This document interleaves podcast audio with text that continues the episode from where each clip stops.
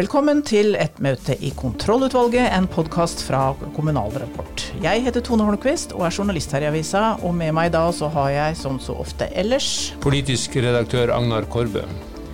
Først i dag skal vi til det kommende lønnsoppgjøret og høre hva Lissi Ruud Torkelsen, leder i Delta eller YS kommune, krever i dette oppgjøret. Ja, Så skal vi til Rauma kommune og Åndalsnes og høre med ordfører Yvonne Wold om hvordan de tar imot flyktninger der i vest. Og så til slutt så skal vi til nok en foregangskommune i lokaldemokrati. Denne gangen Lørenskog og ordfører Ragnhild Bergheim. Men vi må ha en eventuell posttone, og da skal vi snakke om øl og bensin i Trøndelag. En farlig kombinasjon. Er dagsorden godkjent? Dagsorden er godkjent, og møtet er satt.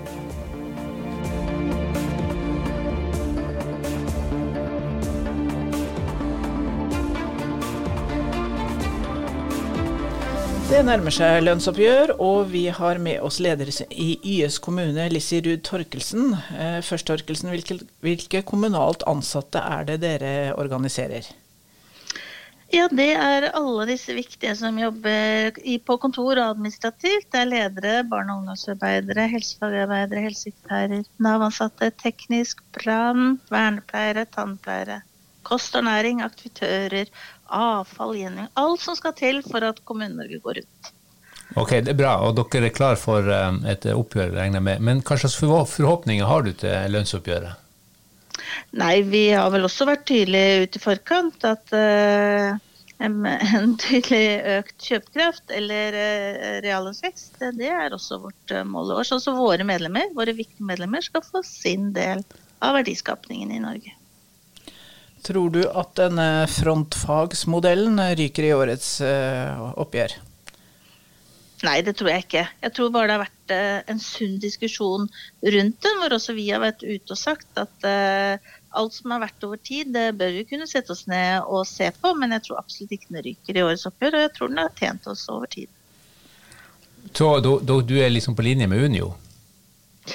Ja, øh, ja. Jeg syns enhver ting skal kunne diskuteres på nytt, men da mer hvordan praktiseringen er, og hvem som øh, betegnes som konkurranseutsatt øh, industri fremover. Det bør vi tåle. Du nevnte at dere vil ha økt kjøpekraft, men det er jo vanskelig å vite hvor mye som skal til for å sikre økt kjøpekraft. Det er jo en ytterst ustabil økonomisk situasjon nå. Ja, og det er vi helt enige i, og det så vi jo i fjor òg, hvor vi hadde et forholdsvis greit, ikke noe mer enn det, oppgjør i fjor. Og så kom høsten nå med energipriser som gjorde at man gikk ned. For det egentlig dreier forhandlinger og lønnsoppgjør om hvor mye man har igjen i lommeboka når de viktigste regningene er betalt. Nå vet vi jo fra sist uke da regjeringa var samla til budsjettkonferanse at det seig inn noen økonomiske realiteter Tror du at dere vil kjenne et større press om å vise ansvarlighet i disse forhandlingene enn dere vanligvis gjør? Ja, og det syns jeg vi blir utfordret på hele tiden. fordi vi blir jo alltid utfordret på at frontfaget skal være et tak, men ikke en gulv. Og det må arbeidsgiver slutte med, for frontfagsmodellen må fungere sånn at den må ses over tid, og at det fins år hvor offentlig sektor også må ha et høyere ha, sitte igjen med mer enn uh, privat sektor. Du nevnte jo innledningsvis noen av de gruppene som dere organiserer. og Dette er jo viktige medarbeidere i den kommunale og fylkeskommunale store organisasjonen og virksomheten. Men er det ikke vanskelig å prioritere noen få av disse? Ja, vi skal jo egentlig ikke det. For vårt krav er jo at alle Deltas medlemmer skal ha sin del. Og heldigvis er det flere og flere som forstår at kommunal sektor ikke drives av én eller to yrkesgrupper, men av disse teamene og alle disse ansatte som går på jobb hver eneste dag for å gjøre en best mulig jobb. Men Syns du at lærerne og sykepleierne har tatt for mye oppmerksomhet? Jeg syns det er helt naturlig at uh, de som organiserer flest av de, vi har også noen av de, uh, er tydelige på sine medlemmer. Men jeg forventer jo at arbeidsgivere og resten av Norge skjønner at det er uh, mangfoldet og alle de viktige jobbene som gjøres, som gjør at Kommune-Norge fungerer så bra som den gjør. Men hva skal til for at dere blir fornøyd? Vær ærlig. ja, da var det det med å, å ha tro på at man får en økt kjøpekraft, da. Og hva prosenten blir og sånn, der har vi egentlig ikke landet ennå. Der må vi se det an noen uker til. Blir det streik? Nei, forhåpentligvis ikke, men det blir det hvis det blir for dårlig. Da er vi klare. Ok, Lissi Ruud Torkelsen, vi ønsker deg lykke til i det som åpenbart blir noen eh, skikkelige, knallharde forhandlinger.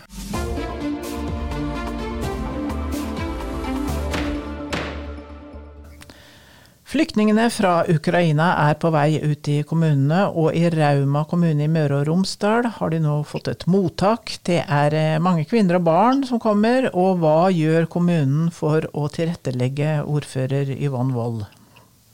Jo, Det er litt forskjellig. Eh, akkurat nå så har vi et, eh, en akuttinnkvartering. Det er det vi har i Rauma nå. sånn at Der er kommunen et vertskap, og ikke den som skal stå for drift av selve mottaket. og Det betyr at eh, nå må vi få gode beskjeder fra det mottaket om akkurat hvem er det som har kommet, hvor lange, lenge blir de, eh, hvor mange unger er det, er det behov for tjenester. Og ellers så, så skal vi klare å håndtere f.eks. legetjenester osv. til disse, disse, som er her, på lik linje med den øvrige befolkninga. Hvor mange er det på mottaket så langt? Eh, det som kommunen formelt har fått beskjed om, det er 160. Og så um, har jeg forstått det sånn at det kommer litt eh, folk nå og da. og eh, nå har vi noen personer der inne fra helsetjenestene våre som er med å, og kartlegge litt. Eh, så, men det kan komme inntil 300. Foreløpig så, så vet vi at det sannsynligvis vil komme 200 dit. Har dere eh, sagt hvor mange dere eh, har mulighet til å bosette etter hvert? Eh, vi skal ha en sak i formannskapet vårt i morgen. IMDi har bedt oss om å ta imot 45 personer til bosetting, og kommunedirektøren har innstilt på 60. Og Det er litt ut ifra hva folk nå melder inn at de har ledig hus til, rett og slett. Så, så det ligger an til 60, men jeg vil ikke forskuttere vedtaket i formannskapet i morgen. Nei, men dere er vant til å bosette flyktninger, er ikke det? Jo da, det har vi gjort. Og så er vi faktisk i den situasjonen at vi fikk jo ikke så mange flyktninger til bosetting som IMDi hadde forespeila oss, så vi har bygd ned flyktningtjenesten vår ganske nylig. Så nå er vi plutselig i en helt annen situasjon igjen, i likhet med mange andre kommuner, der vi, ja, der vi faktisk må bygge opp igjen en tjeneste. da. Finner dere disse folka som dere har måttet kvitte dere med i, under koronaen? Ja, heldigvis så har nok vi vært så lure, eller kommunedirektøren vår vært så lure at han ikke har kvitta seg med noen. Vi har klart å, å nedbemanne i, i kommunen vår uten å si opp noen. Så vi er heldige og har folk og mye kompetanse. Og så må en kanskje omkalfatre litt. og, det, det, jeg kjenner på, det er at her blir veien litt til mens den går. og det blir jo sikkert sånn i hele Kommune-Norge. For nå tidligere per år så har Norge tatt imot 15 000 på det, på det meste på et år. Og nå vi, tar vi imot 30 000 bare på noen få uker. Så det sies at vi må jobbe på en helt annen måte nå, både i Rauma kommune og andre kommuner enn vi har gjort, tror jeg. Som du sier, det skjer mye fra dag til dag. Men har dere hatt anledning til å vurdere hvilke utfordringer dette Eh, medfører for det kommunale tjenesteapparatet når det er såpass mange skal bosette seg? Eh, ja, men det, vi har gjort noen vurderinger. Snakka sammen på tvers av tjenestene. Da, og er, som ordfører så er det jo ikke jeg som, som sitter med denne her løpende drifts- og personalansvaret på den måten, men jeg har vært med på noen møter. og jeg hører at det vi tenker og forbereder oss litt på, det er ikke bestandig det stemmer helt med akkurat det som vi opplever. Så det er ikke sånn beint fram å planlegge. F.eks. så, så snakker vi om at her må vi sørge for eh, Eller hva har de behov for, de som kommer nå? For vi vet at det er omtrent 40-50% barn som kommer. Og da har vi tenkt at her må vi kanskje rigge barnehagetilbud. Kanskje må vi rigge eh, et skoletilbud. Og så eh, har vi våre folk der inne i mottaket som sier at her sitter ungene og følger med på nettbrettene sine undervisning fra Ukraina. Ja. Så må vi kanskje justere litt. Så, så, litt sånn tror jeg det blir. Vi må justere litt ut fra behovet, og der har vi ikke godt, godt nok overblikk ennå. En ting er hva det kommunale apparatet skal gjøre, og der er det jo selvfølgelig mye kompetanse. Og, men hvor viktig blir fri, den frivillige sektoren i dette arbeidet? Kjempeviktig. Og eh, Det er på en måte to forhold vi snakker om. Da. Den akuttinnkvarteringa der, eh, er det jo egentlig veldig begrensa eh, hva ressurser som finnes i selve innkvarteringa. Eh, det er noen ansatte, ikke sant? det skal være en barnefaglig ansvarlig på plass som, som ikke er ansatt ennå, og det skal være en frivillig koordinator der.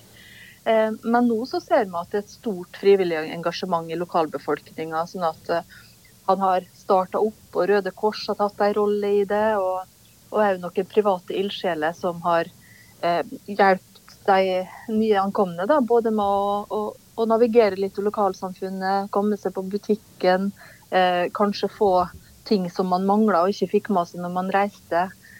Eh, og så er det aktiviteter nå for ungene. Der ser vi at eh, lag og foreninger henvender seg og vil ha med unger på treninger og annet. Og det, det virker det som mange er klar for, for det har vi òg vært litt spent på. Hva trenger de bare nå på ro og trygghet og sånn? Eh, men veldig mange ser ut til å være veldig klar for å være med på både leik og fritidsaktiviteter. Så det er mye behov for frivillighet, tror jeg. Ok, eh, lykke til eh, i Rauma på Åndalsnes, Yvonne Wold. Så kommer vi tilbake til dere om en stund og hører hvordan dette går. Det er syv kommuner som er plukka ut av Kommunaldepartementet til å være foregangskommuner i lokaldemokrati. Lørenskog er en av dem, og ordfører Ragnhild Bergheim, hva skal dere gjøre? Vi har valgt oss ut eh, tre satsingsområder i dette prosjektet. Det ene er et mer åpent og tilgjengelig lokaldemokrati. Det andre er levende medvirkningsråd som har reelle påvirkningsmuligheter. Og tredje det er å utforske medvirkningsarenaer for eh, den innvandrerbefolkninga vår, som vi har ganske mange av. Vi er en av landets største innvandrerkommuner. Og vi ønsker å ha økt deltakelse fra dem. Hva, da tar vi det siste først. Hvordan skal dere gjøre det? Hvordan skal dere få innvandrerbefolkningen mer engasjert? Nei, Det vi har gjort, da, det er at vi har etablert et nettverk som består av nøkkelpersoner fra ulike innvandrermiljøer i kommuner. Eh, og vi ønsker å ta utgangspunkt i det nettverket. da, For å få tettere kontakt mellom innvandrerbefolkninga og politikken i, i kommuner. Er det ulike etniske eh, grupper som dere da har eh, ja.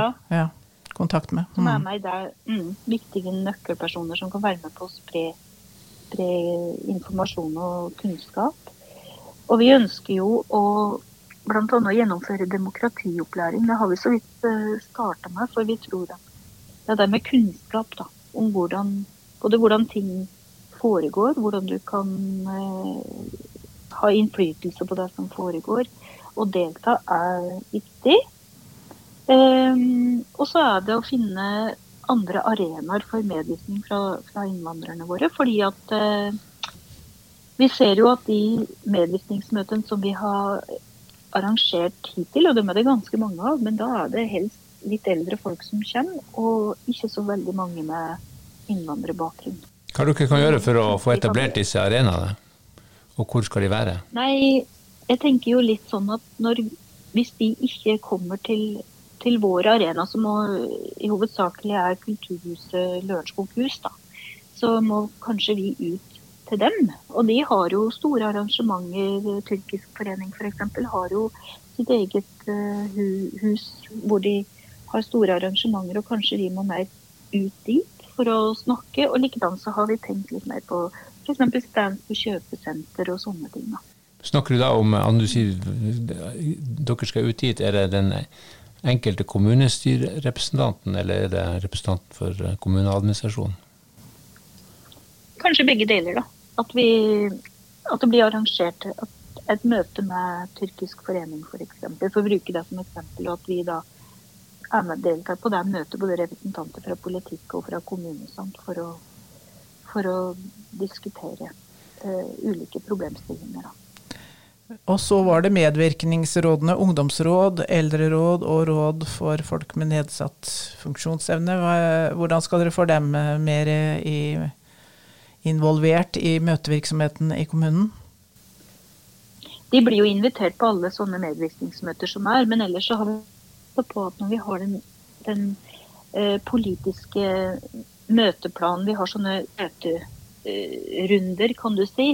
Og i forkant av hvert kommunestyremøte så går jo alle saken via de tre rådene før det går videre til utvalg og så til formannskap og kommunestyre. Så vi får med vedtakene fra alle rådene i den videre behandlinga av en sak fram til kommunestyret. Uh, og så er det sånn at uh, Rådet for mennesker med nedsatt funksjonsevne og Eldrerådet de har jo òg representanter som, som, kommune, som, sitter i kommunestyret, men det har ikke ungdomsrådet.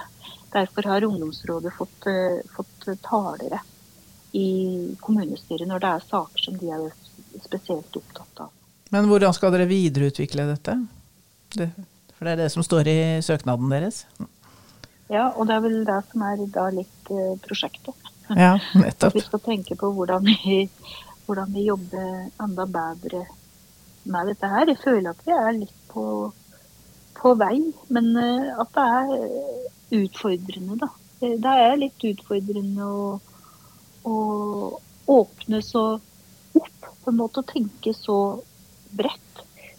F.eks. da i noen saker så kanskje må du bruke litt mer tid Nettopp. Du rekker ikke den nødvendige medvirkningsprosessen bare i, van, i løpet av en vanlig kommunestyrerunde. Sånn, så du er, du er, nødt til å tenke litt mer um, eh, Kanskje du skal møte i forkant av uh, og underveis i saken på et tidligere tidspunkt. At du hele tiden har med det der fokuset på å få, få tilbakemeldinger for, fra folk på riktig tidspunkt for at de skal ha reell innflytelse. Da.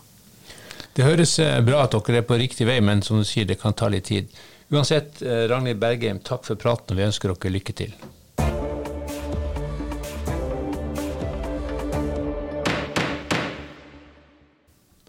Da er vi kommet til eventuelt, og det skal handle om eh, øl og bensin. Ja, det er riktig. Vi skal til bygda Børsa i Skaun i Trøndelag, hvor kommunestyret altså har vedtatt at bensinstasjonen skal få selge øl og sider. Øl og sider på bensinstasjonen, det tror ikke jeg er lov. Nei det, nei, det, er ikke lov, det. Det, det. kan ikke gis salgsbevilgning for alkoholholdig drikk til bensinstasjon eller kiosk, står det i alkoholloven. Men eh, kommunestyret har altså gjort det likevel, med åpne øyne. Og ordfører Gunn Iversen Stokke hadde kvaler. Ifølge avisa Sør-Trøndelag så sa ordføreren at hvis dette ble vedtatt, så ville hun sove dårlig om natta, og så stemte hun for øl på bensinstasjonen. Ok, eh, her må vi rydde opp. Altså, Nå venter de på at politiet skal gripe inn. Altså, Et kommunestyre kan ikke fatte et ulovlig vedtak. Ja, altså det, det, Kanskje de venter på det, men det er jo sånn da at dagligvarebutikken eh, på Børsa den er under ombygging, og så har bensinstasjonen tatt inn en del nødvendige varer til butikken er ferdig bygd. Og til de nødvendige varene så hører, hører da øl og sider. Og en eh, Høyre-representant mente at dette var ulovlig, ikke, ikke, mer ulovlig enn å kjøre i 85 km i 80-sone. Ja, men da må jeg opplyse om at å kjøre 85 km i 80-sonen, det er ulovlig. Da bryter du fartsgrensa. Da følger det Da burde jo Lov og orden-partiet Høyre vite at uh, de risikerer Man kan risikere noe her, altså. Så hvis du vil endre loven, så begynner du jo ikke med å bryte den. Nei, det, vi får se om noen, noen kanskje statsforvalteren jeg vet ikke, tar og snakker hardt til Skaun kommunestyre. Ja, eller om de er så trege at ølet er tilbake i den ombygde butikken da, før noen rekker å ja, eller hvis det, Så kan det jo ofte skje at her kan man liksom omdefinere problemstillinga slik at dette ikke er en bensinstasjon, men en butikk som har midlertidig flytta, og sånn sett kommer inn under loven og sånn. Hvem vet? Møtet er slutt. Og vi må si at det var vi to, Tone og du og Agnar, som var programledere. Vi styrte teknikken. Ansvarlig redaktør for uh, avisen og denne podden er Britt Sofie Hestvik. Vi høres igjen til neste uke. I mellomtida, uh, abonner på denne podkasten der du finner podkaster, og ikke minst abonner på nyhetsbrevene på vår nettside. God uke. Møtet er hevet.